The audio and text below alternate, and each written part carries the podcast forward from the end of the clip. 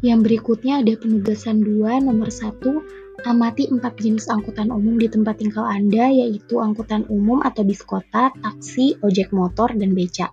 Perkirakan dan urutkan jenis angkutan mana yang jumlahnya paling banyak hingga paling sedikit. Manakah yang paling langka?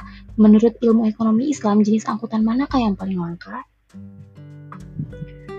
Pada daerah saya, yaitu daerah Serpong BSD, yang paling banyak digunakan itu ialah ojek online. Bukan hanya ojek online, tetapi ada GoCar atau GrabCar juga banyak digunakan.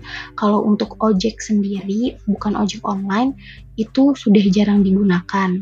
Berikutnya ada taksi, habis taksi ada bus umum, dan yang terakhir angkutan umum.